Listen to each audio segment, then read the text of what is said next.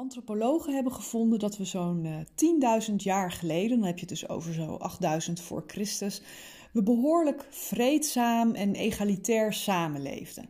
Er was echt een gevoel van uh, community, uh, mannen en vrouwen werden gelijkelijk gewaardeerd en er was eigenlijk heel weinig bewijs van uh, wijdverspreide agressie of sociale ongelijkheid of verschillen in hiërarchie. En er was volop ruimte voor kunst, voor dans en voor het sociale leven.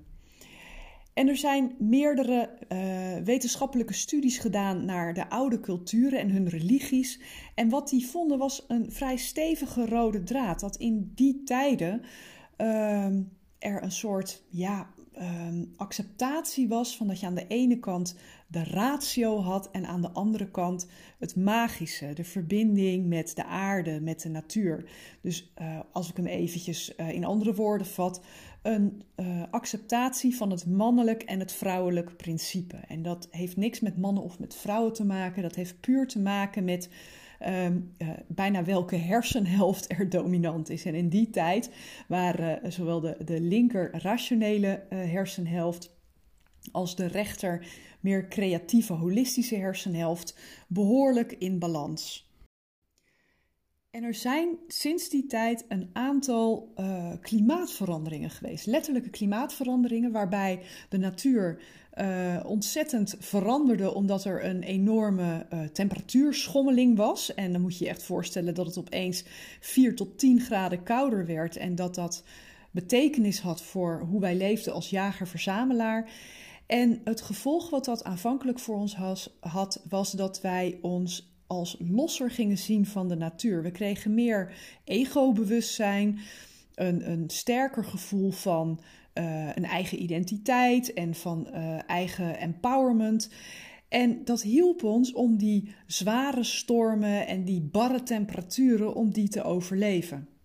En dat betekende ook dat we um, opschoven naar een ja, meer agriculturele vorm van uh, samenleven. Met andere woorden, we gingen zelf vee houden, we gingen um, uh, zaaien, oogsten, uh, we gingen ons meer vestigen in huizen en dieren houden voor voedsel en kleding. En onze reizende levensstijl zat er daarmee op. En het is natuurlijk een hele belangrijke aanpassing geweest in onze evolutie, maar er kwam ook een hele culturele shift aan te pas. Want wat je ziet op het moment dat er zo'n ander bewustzijn ontstaat, is dat wij afstand nemen van uh, onze band met de natuur. Wat op een vrij geleidelijke manier gebeurde, was dat we steeds rationeler gingen denken in zaaien en oogsten, in, in cause en effect. Waardoor we langzaam maar zeker vervreemd raakten van die natuur en bovendien ook uh, heel erg in productietermen gingen denken. Hè. We gingen uh, instrumenten maken, we gingen wapens maken om ons huis te beschermen tegen indringers. En zo'n 500 jaar geleden deed zich iets voor wat ze nu ook wel eens de kleine ijstijd noemen. Op dat moment waren de lokale omstandigheden ontzettend anders dan in de periode daarvoor. Er waren zo'n 80 jaar lang heftige stormen, uh, hele lange, zware winters, koele zomers. En dat beïnvloedde significant de manier waarop we leefden, uh, voedsel groeide, rivieren en kanalen. Wat toen de, de, de voornaamste transportmogelijkheden waren, die, die uh, bevroren, oogsten mislukten. En er was op grote schaal honger. Er kwamen grote hongersnoden voor, uh, uh, voor waardoor mensen stierven, uh, ziek werden, ondervoed waren. En epidemieën ook als, als woekerende vuren over het land kwamen. En uiteraard, wat dat doet, is dat er sociale spanningen ontstaan. Mensen beginnen bang te worden, gefrustreerd en in toenemende mate angstig eigenlijk voor de kracht van de natuur. En sinds de middeleeuwen zijn er een paar bewegingen geweest die ervoor zorgden dat het rationele denken, zoals we dat vandaag de dag nog heel goed kennen, veel hoger uh, werd gewaardeerd en nog steeds wordt gewaardeerd dan het ja, uh, intunen op onze eigen natuurlijke kennis die we als mens allemaal hebben. Nou, een paar van die uh, bewegingen zijn natuurlijk algemeen bekend. We hebben de, de, de heksenverbranding. Dat was het feit dat uh, mensen, meestal vrouwen, die uh, nog erg bezig waren met natuurlijke geneeswijzen, met de cycli van de maan, met allemaal dat soort natuurlijke wetten en natuurlijke wijsheid, dat die werden gezien als gevaarlijk. En we weten allemaal hoe het daarmee is afgelopen. Er is 300 jaar lang een jacht geweest op mensen die bezig waren met die natuur tot op het niveau dat je natuurlijk wel uit je hoofd laat op een gegeven moment om daar uh, blijk van te geven dat je daar affiniteit mee hebt of dat je daar wijsheid van hebt. En wat je ook zag was dat er een wetenschappelijke revolutie optrad, waarbij uh, heel erg werd gekeken naar het meten is weten, naar het uh, doelgericht denken, rationeel denken, uh, actiegericht zijn. En dat bepaalde eigenlijk in de eeuwen daarna, uh, tot nu zou je kunnen zeggen, de manier waarop we in het leven staan. Nu is het punt dat we als mens allemaal zelf ook natuur zijn. En hoezeer we ook rationeel zijn opgevoed en hoezeer we ook uh, nou ja, veel te danken hebben aan de wetenschap en aan die ja, reductionistische manier van denken die er al eeuwenlang is. We kunnen niet onderschatten dat wij ook natuur zijn. En als je kijkt naar wat er in het afgelopen jaar allemaal gebeurd is en uh, de, de onderlinge afhankelijkheid die wij bloot hebben gelegd, of waar we mee geconfronteerd zijn, kan ik beter zeggen. Um, dan is het niet meer te ontkennen dat wij natuur zijn en dat we op een andere manier mogen gaan denken. Dat wat ja, de milieucrisis maar heel beperkt voor elkaar heeft gekregen, dat heeft een pandemie in één keer blootgelegd. Namelijk, we zijn met elkaar één systeem. We zijn niet heel anders dan, dan paddenstoelen die met, met ondergrondse draden allemaal aan elkaar verbonden zijn.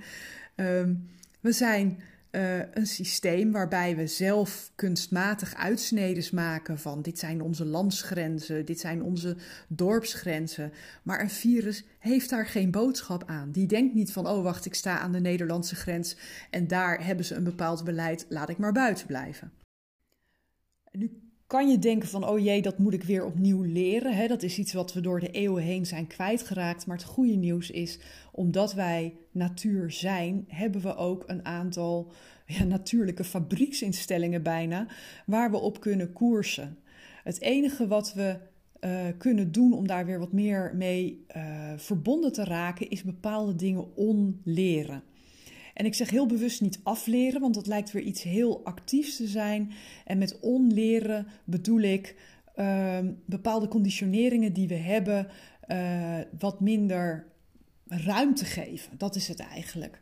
Dus wat meer gaan voelen en wat minder doen. Wat meer zijn en wat minder actie. En daarmee zeg ik absoluut niet dat we dat rationele deel terzijde moeten leggen, want dat heeft ons ongelooflijk veel gebracht.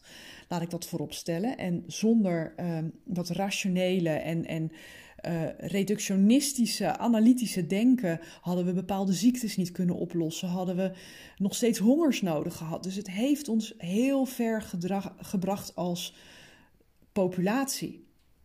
Tegelijkertijd zijn we er ook een beetje in doorgeschoten, waardoor je nu ziet dat de beslissingen die worden genomen door leiders in, in een toenemend complexe wereld die steeds sneller lijkt te draaien, um, heel erg op ratio wordt gedaan. En daarmee gaan we voorbij aan het feit dat wij mensen zijn, dat wij uh, een systeem zijn, dat er bepaalde natuurwetten onze reacties beïnvloeden waar wij zelf rationeel bijna geen invloed op hebben. Nou, dat stukje, dat is iets wat we weer mogen gaan ontdekken. En uh, het fascineert me als je me al een tijdje volgt, al, wat langer, hè, hoe dat werkt. Uh, uh, neuropsychologisch gezien, maar ook vanuit systemisch denken. Hoe reageren wij op bepaalde prikkels, op bepaalde bewegingen. En waar zit nou die hele onbewuste neiging van een systeem om de dingen goed te doen of om juist af te drijven? En daar is inmiddels zo ontzettend veel kennis over en zoveel onderzoek ook weer naar gedaan. Ehm, dat we het, het rationele denken wat we al hebben kunnen gaan gebruiken om te erkennen dat er ook een holistische manier is waar we veel meer waarde uit zouden kunnen halen. En een van de dingen die we daarbij ehm, altijd tot onze beschikking hebben is ons lichaam. En ik weet niet hoe het bij jou is, maar bij mij is mijn lichaam vaak dagen achter elkaar een soort taxi die mijn hoofd overal naartoe brengt. En zeker nu we vanuit huis werken en veel minder weggaan, is het dat niet eens. Dus is het, uh, nou ja, gewoon een, een, een, een accessoire dat mijn hoofd draagt. Um, maar er zit zo ontzettend veel wijsheid in waar we niet genoeg gebruik van maken in mijn optiek.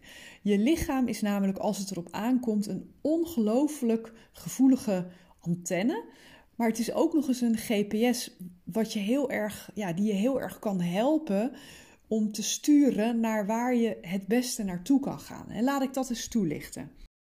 En misschien is dat het handigst om daar een, een voorbeeld bij te gebruiken wat we allemaal wel kennen. Want hoe vaak heb je niet dat je uh, iets zegt in de zin van: Ik dacht al dat hij ja zou zeggen, maar nee zou doen. Of ik had al het gevoel dat hij niet zou meewerken. Of ik wist gewoon dat dit zou gaan gebeuren.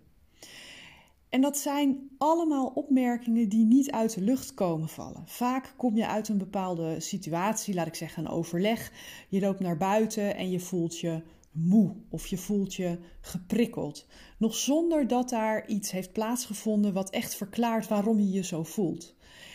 En in plaats van dat we dan maar weer uh, een kop koffie gaan halen of even uh, afleiding zoeken door, weet ik veel, te gaan WhatsAppen of even op social media rond te kijken, is dat nou juist de informatie die je helpt om op dat stukje in te tappen wat we zijn kwijtgeraakt. Want er gebeurt iets in zo'n overleg. En of dat nou virtueel is eh, via Zoom of Teams of wat dan ook, of je zit fysiek bij elkaar. Het effect is niet heel anders. Als jij na een overleg een bepaald gevoel hebt, dan kan je van twee dingen uitgaan. Eén, jij bent niet de enige die dit heeft gevoeld, want zelfs in een virtuele groep is um, uh, energie heel aantrekkelijk. Daar, dat, heeft, dat heeft onderzoek ook uitgewezen dat uh, uh, wat, wat, wat één persoon voelt, dat leeft in de groep. En het tweede waar je vanuit kan gaan, is dat het informatie heeft. En die informatie hoef je niet meteen te snappen. Of je hoeft het ook niet meteen te, te duiden. Want dan schiet je meteen weer in, in, in, die, uh, in die rationele hersenhelft. Maar je kan er wel een soort van een vlaggetje bij plaatsen. Een soort van nieuwsgierigheid aan de dag leggen van hé, hey, wat wilde daar nou naar boven komen? Het is een soort spier die je kan trainen. Op het moment dat jij een onverklaarbaar en vaak ook wat ongemakkelijk gevoel zelfs hebt. Uh, als je uit een bepaalde situatie komt, dan is dat informatie. En als je daar aandacht aan besteedt zonder daar meteen een label op te willen plakken, dan word je daar steeds alerter op en ga je dat steeds beter bij jezelf kunnen lezen. En wij leiders hebben dus afgeleerd om goed te luisteren naar die antenne en naar die GPS. Terwijl, um, nou ja, een heel simpel ander voorbeeld, de dingen die jou heel moeiteloos afgaan, waar je energie van krijgt, waar je nou ja, helemaal van, van in, je, in je goede vibe of je goede humeur komt, dat zijn de dingen waar jij in je leiderschap, in je kracht staat. Als je dat zoveel mogelijk kan toevoegen aan jouw manier van werken, aan je manier van communiceren, dan word je een veel krachtiger leider dan wanneer je de dingen doet waarvan je denkt van die hoor ik te doen, want dat, dat, dat is deel van mijn rol, van mijn verantwoordelijkheid. En nee, ik zeg niet dat je weg moet duiken voor je verantwoordelijkheid, maar er is altijd wel een manier waarop je die sweet spot wat meer ruimte kan geven in je werk. En het is heel interessant om daar naar te kijken. Wat zijn nou de dingen die jou zo natuurlijk afgaan dat mensen je daarom vragen van goh, kan je even meekijken, want jij doet dit altijd zo goed. Of uh, dat ze je complimenten daarmee geven. Hoe kan je dat veel meer gaan integreren in de manier waarop je je leiderschap in de wereld zet? Um, tegelijkertijd, als jij ergens een knoop in je maag of een, een, een, een druk op de borst of een, een brok in je keel voelt, dan is dat allemaal informatie uit je lijf dat er iets aan het gebeuren is. Ehm, nou ja, wat invloed op je heeft. En wat betekent dat? Dus nogmaals, probeer dat niet meteen uh, in een encyclopedie te gaan opzoeken of te googlen of er een rationeel verhaal van te spinnen. Maar probeer er eens bij te blijven en uh, eens nieuwsgierig te zijn en je te verwonderen en te denken van goh, ik ben benieuwd wat dit mij zou kunnen vertellen, wat deze informatie voor mij zou kunnen betekenen en dat dan verder daar even bij laten. En ik heb zelf de afgelopen jaren heel rationeel onderzoek gedaan naar allemaal van dit soort verschijnselen. En steeds kreeg ik porretjes die me een andere kant op wezen van joh, je laat dingen liggen. En een van de dingen die mij daar een enorm inzicht heeft gegeven is um, toen ik een yogadocentenopleiding heb gedaan. En ik heb nooit de ambitie gehad om yogadocent te worden, maar ik werkte op dat moment bij de uh, sociale werkvoorziening. En uh, het doel wat we daar hadden was om mensen met een enorme afstand tot de arbeidsmarkt en verschillende beperkingen ook uh, ja, te empoweren, zodat ze toch nog mee konden spelen of waarde konden vertegenwoordigen op die arbeidsmarkt. En wat ik daar zag gebeuren was dat mensen uh, trucjes leerden. Ze leerden uh, op tijd te komen, ze leerden mensen een hand geven, ze leerden eerst om één taakje af te ronden en dan twee taakjes en misschien uiteindelijk wel drie taakjes zelfstandig te doen. Maar wat ze op geen enkel moment uh, meekregen was: hoe kom je nu een ruimte binnen? Hoe zorg je nu dat je je, uh, dat je, je ruimte in kan nemen? Dat je op een manier uh, mensen aankijkt dat ze jou ook echt zien staan. En dit klinkt misschien wat, wat, wat, wat bijzonder, maar ik merkte dat als mensen nog nooit gewerkt hadden en bovendien uh, toch de beperkingen van, van fysieke mogelijkheden hadden, of, of vaak ook um, psychische beperkingen hadden, dat ze zichzelf onzichtbaar probeerden te maken. En met mijn yogadocentenopleiding wilde ik eigenlijk dat element gaan toevoegen wat ze niet leerden als ze al die rationele trucjes leerden. Ik wilde leren hoe ik ze de instrumenten kon geven om daar echt te gaan staan, om echt ruimte in te nemen, om uh, wat meer zelfverzekerd te worden en om te kunnen ontspannen in een situatie die by all means voor deze mensen vaak heel erg griezelig was. Nou, ik heb die opleiding gedaan, was een driejarige opleiding, deed hem gewoon naast mijn werk. Nogmaals, helemaal niet met de intentie om yoga les te gaan geven. Maar het greep me ontzettend omdat ik merkte dat dit allemaal gaat over het weer dicht bij je natuur zijn. Waar in je lichaam zet je spanning vast? Waar uh, kan je naartoe ademen uh, om het weer wat, uh, wat ruimer te maken? Dus dat soort informatie leerde ik daar. En ik leerde eigenlijk toen pas ook de feedback van mijn eigen lichaam kennen. Wat uiteindelijk ongelooflijk veel gebracht heeft in mijn leven. Nou, ik heb een afstudeeropdracht gedaan. Die achteraf weet ik niet eens waar die vandaan kwam, maar ik, ik heb het heerlijk gevonden. En dat ging over um, een, een yoga-serie voor mensen die doof zijn. En zeker de combinatie van doofheid en beperkte verstandelijke vermogens uh, leverde in mijn werk daar heel vaak het inzicht op dat mensen een beetje paranoia werden. Want als er ergens gelachen werd, dachten ze al heel snel dat het over hun ging. Of uh, er werden ook wel vaak flauwe geintjes uitgehaald. En um, de dove populatie had eigenlijk vaker ruzie op het werk. En zeker hè, omdat je het daar hebt over een combinatie met beperkte verstandelijke vermogens, um, leverde dat vaak vrij explosieve situaties op.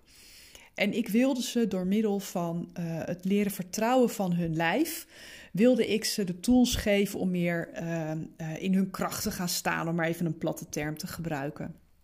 Nou, je kan je voorstellen uh, een yogales geven aan, aan dove mensen uh, met een verstandelijke beperking. Dat, was, dat, ja, dat vroeg wel wat denkwerk, maar uiteindelijk is het me gelukt om met zo'n kleurenlamp, ik weet niet of je die kent, waarmee je uh, met een afstandsbediening de kleurtinten kan veranderen, om ze zo steeds mee te nemen naar de volgende oefening en de volgende oefening, zonder dat ik ze door vreed op de grond te stampen uit hun concentratie zou halen. En nou ja, dat, dat leverde ontzettend mooie resultaten op. En vooral de manier waarop mensen een ruimte binnenkwamen en aan een tafel gingen zitten. uh, was zo frappant anders dat ik dacht van hé, hey, ze zijn weer aangesloten op hun natuur. En daar kwam bij mij een stukje van die fascinatie vandaan. Nou, enorm zijpad, misschien niet heel relevant, maar ik, ik wilde hem toch graag een keer gedeeld hebben.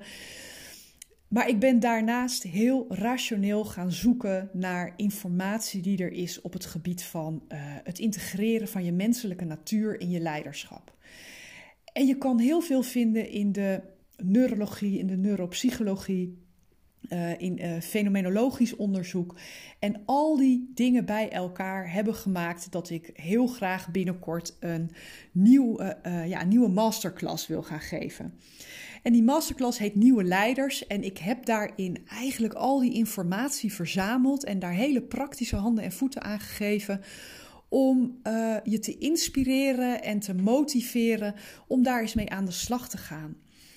Want de wereld wordt niet eenvoudiger en alleen met rationeel denken lossen we het niet op. Zeker niet nu in ons bewustzijn zo sterk is geactiveerd dat er een enorme onderlinge afhankelijkheid is, een onderlinge interactie is er continu nodig. We zijn een systeem en we hebben elkaar allemaal nodig om als, uh, als populatie verder te kunnen komen.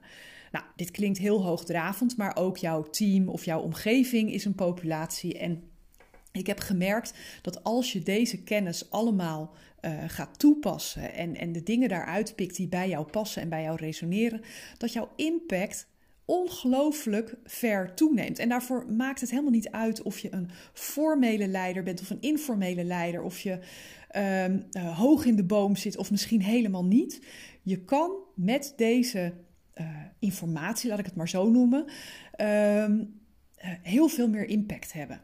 En dat wil ik heel graag delen. Dus um, ik wil je heel graag uitnodigen om op 4 maart deel te nemen aan de masterclass Nieuwe Leiders, waarin ik daar uitgebreid op inga en je ook meteen die tools ga meegeven waar je zelf mee kan gaan oefenen om je impact direct te vergroten.